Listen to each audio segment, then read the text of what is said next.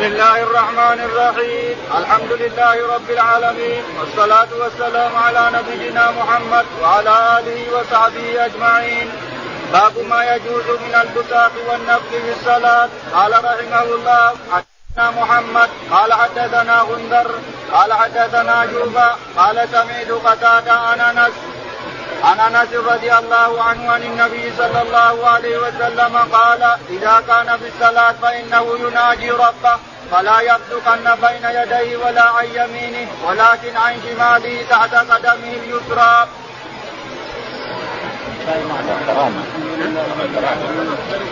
الله على نبينا محمد وعلى اله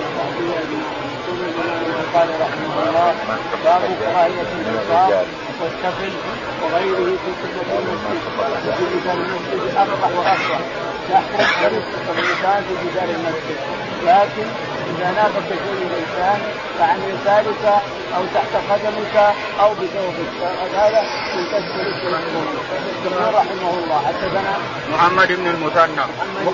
محمد بن جعفر محمد بن بشار قال قال حدثنا شوبه قال حدثنا شوبه قال حدثنا سمعت قتادة.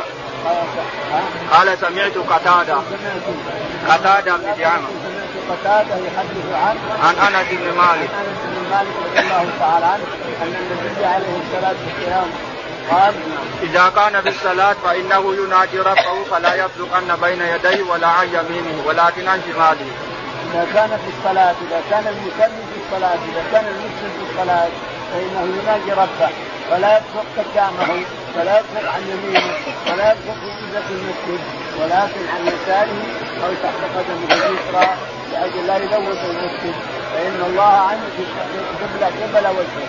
وهذا يليق بجلاله وعظمته لا نؤوله إن الله قبل وجهه لا يؤول ولا ينكر.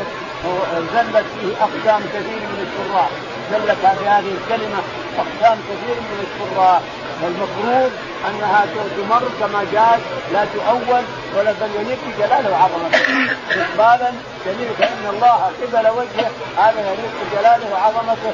ولا نؤول ولا نشبه ولا نمثل نقول كما قال عليه الصلاة والسلام ونثبت ما أثبت ولا نتأوله ببحث ولا غيره فتزل أقدام إلى جهنم. تزل اقدامنا إلى جهنم. ونحن مأمورين بما جاء عن النبي عليه الصلاة والسلام. فإن الله قبل وجهه. يستمر ومثلها كما جاء. باب من باب من سبق جاهلا من الرجال في صلاة لم تفسد صلاته فيه سهل سهل بن سعد رضي الله عنه عن النبي صلى الله عليه وسلم. باب من سبق جاهلا. باب يقول البخاري رحمه الله. باب من سبق جاهلا يعني جاهل الحكم. وأما العامل اذا يسبق عامل تبطل الصلاة. لأنه ليس من أعمال الصلاة. سبقت عامل وأنت في الصلاة تبطل الصلاة لأنه ليس من أعمال الصلاة. لكن لو سبقت جاهلا جاهل سبقت جاهل وأنت رجل ما تبطل الصلاه لأن الصحابة ما بطلت صلاتهم. صفقوا لما رأى الرسول عليه الصلاة والسلام دخل بالصف صفقوا لأبي بكر رضي الله تعالى كما سيأتي فالتفت أبو بكر فرأى الرسول عليه الصلاة والسلام. لما سلم نهاهم عن التصفيق الرجال ما يسبق الرجل ما يسبق الرجل. الرجل يسبح سبحان الله سبحان الله. أما المرأة فهي التي تصفق المرأة لأن صوتها عورة إلا في مسائل إلا في أشياء. صوتها عورة إلا في أشياء. عند المحاكمة عند الأعمال عند هدايا تجدها عند زرع تجده عند أشياء تخصها تجهر بصوتها ولا هو عورة. عورة حينما يكون عورة. قد يكون له عورة حتى بالصلاه لكنها أمرت بالسكون في الصلاة وأن تصفر أما الرجل فهو رجل يسبح سبحان الله سبحان الله. وإذا لم ينتبه الإمام يقرأ الآية التي تنبه الإمام. يقرأ آية من القرآن تنبه الإمام إذا ما انتبه للتسبيح. باب إذا قيل للمصلي تقدم أو انتظر فانتظر فلا بأس. قال رحمه الله حدثنا محمد بن كثير قال أخبرنا سفيان عن أبي حازم عن سالم بن سعد رضي الله عنه قال كان الناس يصلون مع النبي صلى الله عليه وسلم وهم عاتدي انزرهم من الصغر من الصغر على رقابهم فقيل للنساء لا ترفعن رؤوسكن حتى يستوي الرجال جلوسا. يقول البخاري رحمه الله باب باب إذا قيل للمصلي تقدم أو انتظر. للمصلي تقدم أو قيل للمصلي تأخر أو قيل للمصلي استني قليلا الآن لا ترفع رأسك استني قليلا فإنه يفعل هذا ولا يكثر الصلاة يقول رحمه الله حدثنا محمد بن كثير العبدي محمد بن كثير العبدي قال حدثنا سفيان الثوري. قال حدثنا أبو حازم الصغير. عبد الوهاب قال حدثنا أبو حازم. أبو حازم الصغير. قال عن سعد بن سعد الساعدي. بن سعد الساعدي. قال قال كنا. كان الناس يصلون مع النبي صلى الله عليه وسلم وهم عاتبي اجرهم. يقول سعد كان كثيرا من الصحابة رضي الله عنهم من أهل الصفه فقراء ياتون بأذن عقدينها من عقد الطفل عقدينها على حلوقهم هنا علشان يستر عورته فقط يربط شيء هنا ويربط هنا علشان لا ينسلع يصلونهم هكذا فقيل للنساء لا ترفعن رؤوسكن حتى يستوي الرجل. الرجال يستوون جالسين علشان لا تبدو عوره الرجل. يشوفون العورة. أنتم يا نساء استنن قليلا ساجدات حتى يستوي الرجال. فإذا استووا جالسين قوموا النساء. هذا انتظار لها بالسجود يصلي ساجدة حتى يرفع الرجال. ويستوون جالسين ارفعي هنا حتى لو سمعت كلام الرسول عليه الصلاة والسلام الله أكبر لا تنهض حتى لأنه قيل لهن حتى يستوي الرجال جالسين. فإذا استووا لأن تنكشف عوراتهم. إذا قام النساء والرجال ساجدين انكشفت عورات الرجال لأنهم ساكين على أذن المساكين ما عندهم شيء ما عندهم ثياب يلبسونها. نعم. باب لا يرد السلام في الصلاة. قال رحمه الله حدثنا ابن قال حدثنا عبد الله بن أبي شيبة قال حدثنا ابن فضيل عن الأعمش عن إبراهيم عن علقمة عن عبد الله قال كنت أسلم على النبي صلى الله عليه وسلم وهو في الصلاة فيرد علي فلما رجعنا سلمت عليه فلم يرد علي وقال إن في الصلاة شغلا. يقول البخاري رحمه الله باب باب لا يرد السلام بالصلاة لا يرد السلام في الصلاة لكن تصلي ما ترد السلام. لكن ورد في مراسيل أبي داود أن الرسول سلم على شخص وقال هكذا. لكن حتى هكذا ما له هجوم لا تسلم عليه. اسال لا تسلم عليه. أن الرجل ما تسلم عليهم. اللي على البول. اللي على الغائب واللي يقرأ القرآن واللي يصلي واللي يسبح عنده تسبيحات ورد كل شيء. ال عشر حاله ما تسلم عليه الإنسان إذا مررت به ما تسلم عليه وهو لا يرد عليك السلام. يقول البخاري رحمه الله حدثنا عبد الله بن أبي شيبة. عبد بن أبي شيبة أخو أبو بكر. قال حدثنا محمد بن فضيل. محمد بن فضيل قال فضيل. ابن فضيل قال حدثنا عن الأعمش. عن الأعمش سليمان قال عن إبراهيم النقعي عن إبراهيم النقعي قال عن علقمة بن قيس. عن علقمة بن قيس النقعي قال عن عبد الله بن مسعود. عن عبد الله بن مسعود رضي الله تعالى عنه يقول كنا نسلم على النبي عليه الصلاة والسلام وهو يصلي فيرد علينا ثم غبنا غيبة ورجعنا فسلمنا فلم يرد. فلما سلم قال إن في الصلاه لشغل نهينا عن الكلام في الصلاة أن في الصلاه لشغل حتى ما هو من شأنها حتى ما هو من شأن الصلاة يبطل الصلاة. لا تكلم الإنسان ولو من شأن الصلاة. لا تكلم فإنه يبطل الصلاة لحديث عمرو الغفاري الحكم بن عمرو الغفاري كان جاء وسلم سلام عليكم والناس يصلون فحصبوه في الحجارة. قال ويلكم ما لكم تحسبوني فلما سلم الرسول عليه الصلاة والسلام قال يا حكم إن هذه الصلاة إن في الصلاة شغل الكلام ممنوع ويبطل الصلاة. هذه الصلاة فيها شغل والكلام فيها يبطل الصلاة. الكلام في الصلاة يبطل الصلاة. يعني لما أردنا لما رجعنا من الحبشة قال عبد الله. لما رجعنا من يعني هاجروا. لما رجعنا من الحبشة سلمنا فلم يرد عليه لأنه نزل من السماء المنع. منع الكلام ومنع السلام ومنع الرد عليه. نعم. قال رحمه الله حدثنا أبو معمر قال حدثنا عبد الوارث قال حدثنا كثير بن شنديد عن عطاء بن أبي رباح عن جابر بن عبد الله رضي الله عنهما قال بعثني رسول الله صلى الله عليه وسلم في حاجة له فانطلقت ثم رجعت وقد قضيتها فأتيت النبي صلى الله عليه وسلم فسلمت عليه فلم يرد علي فوقع في قلبي ما, الله أعلم به. فقلت في نفسي لعل رسول الله صلى رسول الله صلى الله عليه وسلم وجد علي أني أبطأت عليه ثم سلمت عليه فلم يرد علي فوقع في قلبي أشد من المر من المرة الأولى ثم سلمت عليه فرد علي فقال إن إنما منعني أن أرد عليك أني كنت أصلي وكان على راحلتي متوجها إلى غير القبلة. يقول البخاري رحمه الله باب تابع للباب الأول. تابع. حدثنا أبو معمر. أبو معمر عبد الله بن عامر قال حدثنا عبد الوارث. عبد الوارث بن ابي الصمد قال حدثنا كثير بن شندير شنذير شنذير شنذير قال حدثنا عن عطاء بن أبي رباح. عن عطاء بن أبي رباح. بن أبي رباح قال عن جابر بن عبد الله. جابر رضي الله تعالى عنه قال قال بعثني رسول الله صلى الله عليه وسلم في حاجة له فانطلقت ثم رجعت وقد قضيتها فأتيت النبي صلى الله عليه وسلم فسلمت عليه فلم يرد علي. يقول جابر إني مع الرسول عليه الصلاة والسلام في سفر وارسلني في حاجة وهو على ناقتي وأنا بحاجته فقضيت حاجته ورجعت وسلمت عليه فلم يرد علي السلام. وهو يصلي على ناقته متجها إلى غير القبله يقول سلمت وأنا ما علمت. أنا ما علمت أنه يصلي. يعني ما أدري هو يصلي على ناقته يقول فقلت السلام عليكم فلم يرد علي. ووقع في قلبي شيء عظيم. ثم قلت السلام عليكم مرة ثانية فلم يرد علي. ووقع أكثر من الأول. لكن إن أنا ابقيت عليه.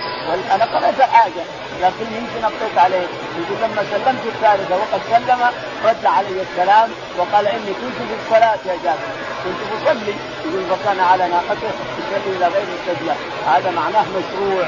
أنك تصلي إلى غير القبلة. إذا كانت نافله فصلي إلى غير القبلة. أينما توجهت بك راحلتك باب رفع الأيدي في الصلاة لأمر ينزل به، قال رحمه الله حدثنا قتيبة بن سعيد، قال حدثنا عبد العزيز عبد العزيز عن أبي حازم عن سالم بن سعد رضي الله عنه قال بلغ رسول الله صلى بلغ رسول الله صلى الله عليه وسلم أن ابن عمرو بن عوف بقباء كان بينهم شيء فخرج يصلح بينهم في أناس من أصحابه فحبس رسول الله صلى الله عليه وسلم وحانت الصلاة فجاء بلال إلى أبي بكر رضي الله عنه فقال يا أبا بكر إن رسول الله صلى الله عليه وسلم قد حبس وقد حانت الصلاة.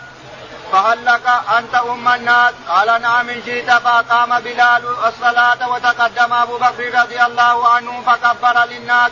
وجاء رسول الله صلى الله عليه وسلم يمشي بالصفوف يشقها شقا حتى قام بالسب فأخذ الناس بالتصفيح قال سعد التصفيح هو التصفيق قال وكان أبو بكر رضي الله عنه لا يلتفت في صلاته فلما كثر الناس التفت فإذا رسول الله صلى الله عليه وسلم فأشار إليه أمر أن يصلي فرفع أبو بكر رضي الله عنه يده فحمد الله ثم ثم رجع القهقر وراءه حتى قام بالسب وتقدم رسول الله صلى الله عليه وسلم فصلى للناس.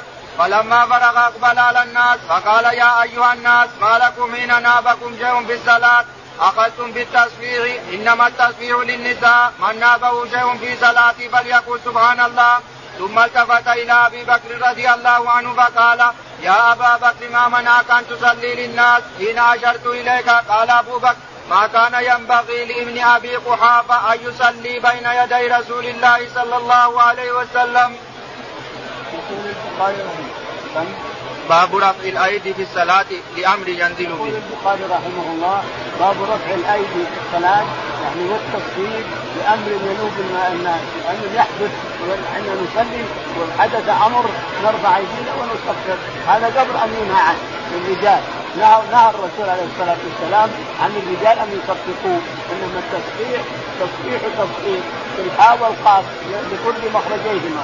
الحاء والقاف مخرجيهما قريب بعضهم بعض فينوب الكلمة تنوب عن الثانية لكل مخرج. مثل التوقع مصطفى مصطفى. إذا ضرب المخرجين نابت واحدة عن الثانية الجائز تصفيح تصفيح جائز هذا كله. قال نعم. يقول حدثنا قتيبة بن سعيد. حدثنا قتيبة بن سعيد. قال حدثنا عبد العزيز بن أبي حازم. عبد العزيز بن أبي حازم. قال حدثنا عن ابيه أبو حازم عن الصغير ابي حازم الصغير قال عن سعد بن سعد رضي الله عنه. سهل بن سعد الساعدي. قال عن عن رضي الله عنه قال بلغ رسول الله صلى الله عليه وسلم أن بني عمرو بن عوف بقباء كان بينهم شيء فخرج يصلح بينهم. يقول سهل بن سعد رضي الله تعالى عنه. بلغ الرسول عليه الصلاة والسلام أن بني عوف في قبى تنازعوا قبيلتين تنازعوا بعضهم بعض وحصل شقاق وخاف الرسول ان يحصل قتال ولا يحصل شر فخرج عليه الصلاة والسلام مع بعض أصحابه. حتى وصلهم وأصلح بينهم عليه الصلاة والسلام ثم رجع. لكن لما كان غائبا أتى ابي بكر أتى بلال إلى أبي بكر. قال يا أبا بكر إن الرسول عليه الصلاة والسلام قد حبس ذهب إلى قبى وحبس وقت ما يجي فهل تؤم الناس؟ قال إن شئت. فأقام بلال الصلاة وتأم تقدم أبو بكر الصديق رضي الله تعالى عنه فكبر يصلي بالناس. في هذه اللحظة جاء الرسول عليه الصلاة والسلام وشق الصفوف شقا حتى وقف خلف أبي بكر. لاحظ خلف أبي بكر. أبو بكر قدامه والرسول وراءه. فأكثر الناس يصفون. يصفون يصفون يصفون وكان لا يلتفت لكن لما كثر التصوير كان هناك شيء لازم هناك حاجة. التفت وراه ورأى الرسول عليه الصلاة والسلام فاومى إليه اثبت مكانك اثبت مكانك. فحمد الله اللي يامر يأمره الرسول يصلي بالناس والرسول الله فيهم. فرجع اخر ثم قدم الرسول. هذا في شيء تشريع الاستخلاف. شرعيه الاستخلاف إلى يوم القيامة. الإمام إذا اختل أو رأى أنه يخرج منه شيء أو اختل أو حصل بحلقه حاجة أو شيء من هذا يرجع يرجع يرجع يرجع حتى يصير في مكان اللي خلفه في الصف ثم يقدمه. ولهذا يقول الرسول عليه الصلاة والسلام ليلي منكم أولو الأحلام والنهى. يعني ما يصير مع عوام ما يفهمون ولا يستطيع التحقيق لابد العلماء. لازم اللي خلف اللي في الروضه واللي خلف الإمام لازم يكونوا علماء علشان ينوبون عن عن الإمام اللي اختل أما عوام اليوم هذا ما في الروضه إلا عوام. لأن العلماء يتخلفون. ليش يتخلفون؟ طلبة العلم. الرسول قال لكم ليلي منكم أولو الأحلام والنهى اولي العلم والمنتهين في العلم والعقل. لا يسير وراء الإمام إلا هو. فالاستخلاف شرعا. إذا استخل الإمام وراى ان أمتك حلفه أو عجز لا يقرأ أو مثلا سمع أحس برعاة أو أحس بتراث كثير أو احس بأرياح تخرج منه يرجع يرجع يرجع يرجع حتى يقف كان اللي خلفه ثم يقدم اللي خلفه. اللي خلفه يتقدم بدون كلام بدون شيء. اللي خلفه هذا يتم الصلاة. إذا كان الأول صلى ركعتين فالاخير يصلي ركعتين. يعني الظهر مثلا أربع ركعات الثاني يبني على صلاة الأول لأنه ما له. لكن إن خرج شيء إن خرج رعاة أو خرج طراش أو خرج ريح بطلت الصلاة عن الجميع. لازم الأخير يجتنب الصلاة من الأول لأنها بطلت عن الجميع. بطل الصلاة الأول وبطلت في الجماعة. فالأخير اللي بيؤم الناس يبتدي من الأول. ويصلي الصلاة من صلاه صلاة تنكر أما إذا كان مثل بحاله الرسول عليه الصلاة والسلام وأبي بكر فإنه يرجع يرجع يعرف بشوي ثم يقف مكانه اللي الصف ثم يقدمه اللي اللي وقف مكانه يتقدم بشوي أيضا يقول إن كان قراءة جهرية يقرأ وإن كان سريه يقرأ يتمم الصلاة فان كان صلى ركعة أو ركعتين يبني على صلاته لأن الصلاة صحيحة صلاة الاستخلاف صحيحة. أما إن كان أحدث أو حصل شيء الصلاه باطلة يعيدون من الأول. نعم. فقال يا فقال فقال يا أبا بكر ما منعك أن تصلي بالناس إن أشرت إليك. قال أبو بكر ما كان ينبغي لابن أبي قحافة أن يصلي بين يدي رسول الله صلى الله عليه وسلم. الصلاة والسلام لما سلم نهى الناس عن التصفيق التصفيق ما يصدق الا ان انت انت الصوت. سبحان الله سبحان الله. ثم التفت عليه ما لك حيث امرتك امرتك وشرت إليك تقول قال ما كان ابن أبي الصحابه أن يتقدم على رسول الله عليه الصلاة والسلام. هذا تواضع. كل ما دام أمرك الرسول اثبت. ما دام أمرك عليه الصلاة والسلام اثبت. أنت أمرك الرسول تصلي مرارا عديده صليت بالناس. اذا أمرك اثبت. ما كان ابن تواضع من أبي بكر الصديق رضي الله عنه. ما كان ابن أبي قحافه أن يتقدم على الرسول عليه الصلاة والسلام. باب القصر في الصلاة. قال رحمه الله حدثنا أبو النعمان قال حدثنا حماد عن أيوب عن محمد عن أبي هريرة رضي الله عنه قال نهي عن الخز في الصلاة. وقال هشام وأبو هلال عن ابن سيرين عن أبي هريرة عن النبي صلى الله عليه وسلم.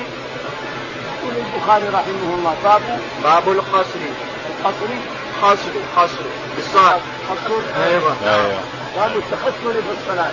يقول التخصر تجعل يديك الإنسان. أنت تصلي كبرت تجعل يديك هنا منهي عنه حتى في غير الصلاة. وهنا حتى وانت تمشي. ما تحط يديك هنا الله أعطاك جناحان جنحين جنحين تميكهم عشان تعينك على المشي وعلى الجري وعلى شيء لا تجعل هنا حتى ولو في الصلاة. يقول البخاري حدثنا أبو النعمان. أبو النعمان عالم محمد بن الفضل قال حدثنا حماد بن زيد. حماد بن زيد. قال حدثنا أيوب السختياني أيوب السختياني قال عن محمد بن سيرين. عن محمد بن سيرين قال عن أبي هريرة رضي الله عنه عن أبي هريرة رضي الله تعالى عنه أن النبي عليه الصلاة والسلام نهى عن التقصر في الصلاة. غير الصلاة برضو عنها. حتى غير الصلاة. والله جعل جعل جناحين. تمشي بهم هكذا تقوم بيديك علشان تنزل على الجري وتنزل على المشي أما تمشي تقصر فالمشي قد يكون معقول وقال هشام بن حسان وأبو هلال الرازقي عن ابن سيرين عن أبي هريرة عن النبي صلى الله عليه وسلم. وقال هلال بن حسان و هشام بن حسان هشام بن حسان و وأبو هلال الراشدي وأبو هلال الراشدي و عن عن ابن سيرين عن أبي هريرة رضي الله عنه. أبي هريرة يعني متابعات ايوب السفياني يعني تابع ايوب السفياني. قال رحمه الله حدثنا عمرو بن علي قال حدثنا يحيى قال حدثنا هشام قال حدثنا محمد عن أبي هريرة رضي الله عنه قال نهي أن يصلي الرجل مقتصرا. يقول البخاري رحمه الله حدثنا عمرو بن علي الفلاس عمرو بن علي الفلاس أحد أصحاب الحديث رضي الله عنه وأرضاه أحد أعلامهم يروي عن الستة. عمرو بن علي الفلاس قال حدثنا يحيى بن سعيد القطان. يحيى بن سعيد القطان. قال حدثنا هشام بن حسان. هشام بن حسان. قال عن محمد بن عن سيرين محمد بن سيرين. قال حدثنا أبو هريرة رضي الله عنه. أبو هريرة رضي الله عنه. قال قال نهى النبي نهى النبي صلى الله عليه وسلم أن يصلي الرجل مختصرا فنهى النبي عليه الصلاة والسلام أن يصلي الرجل مقتصرا انت بالصلاه وتعد بيديك على القاصره ممنوع. حتى في غير الصلاة. لكن في الصلاة آكل لكن تجعلها على قدرك الانسان تكتب اليمنى على اليسرى كما في البخاري. وتحطها هنا. عاد موضع. اليدين مختلف فيه كما مر. باب يفكر الرجل الشيء في الصلاه وقال عمر رضي الله عنه إني لأجهز جيشي وأنا في الصلاه قال رحمه الله حدثنا إسحاق بن منصور. قال حدثنا روح. قال حدثنا عمر وهو ابن سعيد قال أخبرني ابن أبي مليكة عن عقبة بن الحارث رضي الله عنه قال صليت مع النبي صلى الله عليه وسلم على العصر فلما سلم قام سريعا دخل على بعض نسائه ثم خرج ورأى ما في وجوه القوم من تعجبهم بسرعته فقال ذكرت وأنا في الصلاة تبرا عندنا فكرهت أن يمسي أو يبيت عندنا فأمرت بقسمته. يقول البخاري رحمه الله باب باب يفكر الرجل الشيء في الصلاة. يفكر الرجل بالشيء وهو في الصلاة وقال عمر رضي الله عنه إنه في البيوت يجمع بين عبادتين بين الصلاة والسجود في البيوت فالمسلم إذا كان يصلي ونوى أن يتصدق على فلان وفلان يخرج لهم صدقة وأنت في الصلاة. لك عبادتين الانسان لك أجر عبادتين. عبادة الصلاة وعبادة نيتك الصالحة التي تريد أن تصدق على فلان وفلان. عمر رضي الله عنه يصلي ويجلس البيوت. يروحون كذا يروحون كذا وبرسل البيوت كذا وبرسل غدا البيوت كذا ويجعل بين عبادتين. عبادة الجهاد في سبيل الله وعبادة الصلاه المسلم إلى اليوم إذا أراد أن يجمع بين عبادته ويصلي فإنها صحيحة ولك اجر عبادتين الإنسان. بل وانت ان تصدق أو تصوم أو تعمل أو تعمل تبر والديك أو تبر أحد أو ترضي أخاك المسلم الذي غضب أو تصلح بين الناس. هذا عبادتين والصلاة لا تضر. انت تسبح ثلاث مرات هذا ادنى الكمال ثم ما شاء أن تفعل من العبادات الثانية لك اجر عبادتين للانسان هذا فضل من الله تعالى وتقدس ومنه وكرم على عباده يتحدث بأشياء يعملها يعطيك ربك أجر. يقول حدثنا إسحاق بن منصور الكوثر حدثنا إسحاق بن منصور الكوثر قال حدثنا راهو بن عبادة. عمرو بن عبادة. روح بن عبادة. بن عبادة. قال عمر بن سعيد. عن عمر بن سعيد. قال حدثنا. قال أخبرني ابن أبي مليكة. قال أخبرني ابن أبي مليكة. قال عن عقبه بن الحارث. عن عقبه بن الحارث. قال قال صليت مع النبي صلى الله عليه وسلم على العصر فلما سلم قام سريعا دخل على بعض نسائه. يقول إنه صلى مع الرسول عليه الصلاة والسلام. مع صلاه العشي فلما سلم قاموا مسرعا والشاهد من هذا الحديث أن الرسول فسر في الصلاة لاحظ فذكر التبر في الذهب التبر هو الذهب اللي مع التراب ذهب من تراب ما صرف إلى الآن. ففكر في التبر أنه ما تصدق به وأنه ما أخرجه. هذا الشاهد من الحديث. فكر فيه ولما سلم قام مسرعا عليه الصلاة والسلام وذهب إلى بيته وتصدق بالذهب اللي فيه التراب ثم رجع إليهم. وقد عجبوا من سرعته سلموا قام على طول.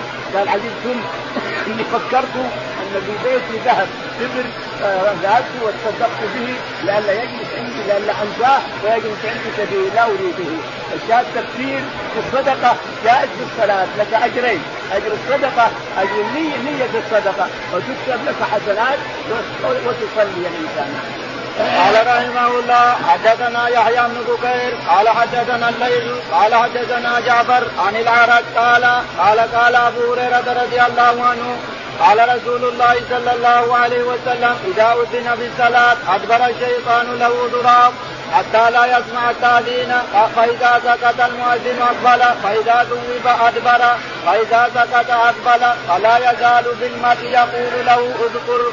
ما لم يكن يذكر حتى لا يدري كم صلى. قال أبو سلمة بن عبد الرحمن إذا فعل أحدكم ذلك فليسجد سجدتين وهو قاعد. وسمعه أبو سلمة من أبي هريرة رضي الله عنه. يقول البخاري رحمه الله تابع للباب الأول. تابع حدثنا يحيى بن بكير. يحيى بن بكير قال حدثنا الليث بن سعد. الليث بن سعد قال حدثنا جعفر بن ربيعة. جعفر بن ربيعة قال عن الأعرج. عن الأعرج قال قال قال أبو هريرة رضي الله عنه قال قال رسول الله صلى الله عليه وسلم إذا أذن بالصلاه أدبر الشيطان له أبو هريرة رضي الله تعالى عنه عن النبي عليه الصلاة والسلام أنه قال إذا سجد إذا أذن المؤذن في صلاة من الصلوات أدبر الشيطان يجري في الهواء ويضرب يبارك نعوذ بالله من الخوف والفتح من رب العالمين. فإذا سكت اتى ثم إذا ثوب يعني أقام الصلاة تجديد الإقامة. إذا ثوب هرب أيضا إلى مكانه يضرب يضرب يضرب من الخوف من الله تعالى وتقدس ثم إذا انتهى التسليم جاء يذكرك الانسان المصلي اذكر كذا اذكر كذا اذكر كذا. أشياء لم تكن تذكرها. أشياء لم تكن تذكرها. نعم. قال أبو سلمة بن عبد الرحمن إذا فعل أحدكم ذلك فليسجد سجدتين وهو قاعد وسمعه أبو سلمة بن أبي هريرة رضي الله عنه. يقول أبو سلمة بن عبد الرحمن رحمه الله ظاهر اجتهاد إلا ما ورد عن شيء لكن يقول حصل هذا وذكرت أشياء من الدنيا وتحدث في أشياء من الدنيا وأنت تصلي اسجد سجدتين لكن ما ورد هذا عن النبي صلى الله عليه وسلم. قال في حديث الأول حتى إذا فعل أحدكم ذلك حتى لا يدري كم صلى في الحديث الأول. إذا كان لا يدري كم صلى فإنه يبني على اليقين ويسجد سجدتين هذا لا شك فيه إذا لم يدري كم صلى وسوس له الشيطان ولم يدري كم صلى فإنه يسجد سجدتين يبني على الأقل يبني على أن صليت ثلاث الرابعة صليت ثلاث ثاني رابعة انت تسجد هذا لا شك فيه. لكن إذا وسوست الإنسان باشياء لم ولم تزد في الصلاة ولم تنقص فلا حاجة إلى قال رحمه الله حدثنا محمد بن المثنى قال حدثنا عثمان بن عمر قال أخبرني ابن أبي ذئب عن سعيد المقبوري قال قال قال أبو هريرة رضي الله عنه يقول الناس أكثر أكثر أبو هريرة فلقيت رجلا فقلت بما بما قرأ بما بما قرأ رسول الله صلى الله عليه وسلم البارحة في العتمة. فقال لا أدري. فقلت لم لم لم لم تشهدها. قال بلى. قلت لكن أنا أدري. قرأ سورة كذا وكذا. يقول البخاري رحمه الله حدثنا محمد بن المثنى. محمد بن المثنى قال حدثنا عثمان بن عمر. عثمان بن عمر قال حدثنا ابن أبي ذئب. ابن أبي ذئب قال عن سعيد المقبري عن عن سعيد المقبري عن سعيد المقبري عن أبي هريرة. عن أبي هريرة رضي الله تعالى عنه. أن الناس قالوا أكثر أبو هريرة من الأحاديث عن الرسول عليه الصلاة والسلام أكثر أبو هريره أكثر أبو هريرة. يقول فلقيت رجلا ممن يقول هذا القول ممن يتكلم بأبي ويقول هذا القول. قلت يا فلان الرسول عليه الصلاة والسلام صلى البارحه العشاء اشترى والله ما كيف ما تدري؟ صليت معك؟ قال الا صليت معك، اشترى قال قال لكني أدري. معناه نسيت وأنا حفظت. في ذنبي أنا. إنت نسيت وأنا حفظت. إيش ذنبي أنا؟ إذا كنت تحت وأنا أحفظ. هل ذنب؟ ما لي ذنب أنا. أنا حفظت أنتم نسيتون العشاء البارح العشاء القريبه هذه. اشترى الرسول؟ قال ما يدري. ما حضرت إلا حضرت صليت معه. نعم صليت معه. واشترى ما أدري. لكني ادري ارى كذا وارى كذا وارى كذا. أنتم نسيتوا أيها الناس وأنا حفظت. فما ذنبي حينما أروي الحديث عن النبي عليه الصلاة والسلام لأني حفظته. ما ذنبي. ما لي ذنب رضي الله عنه. ما له ذنب. 5282 حديث اللي روى عن النبي عليه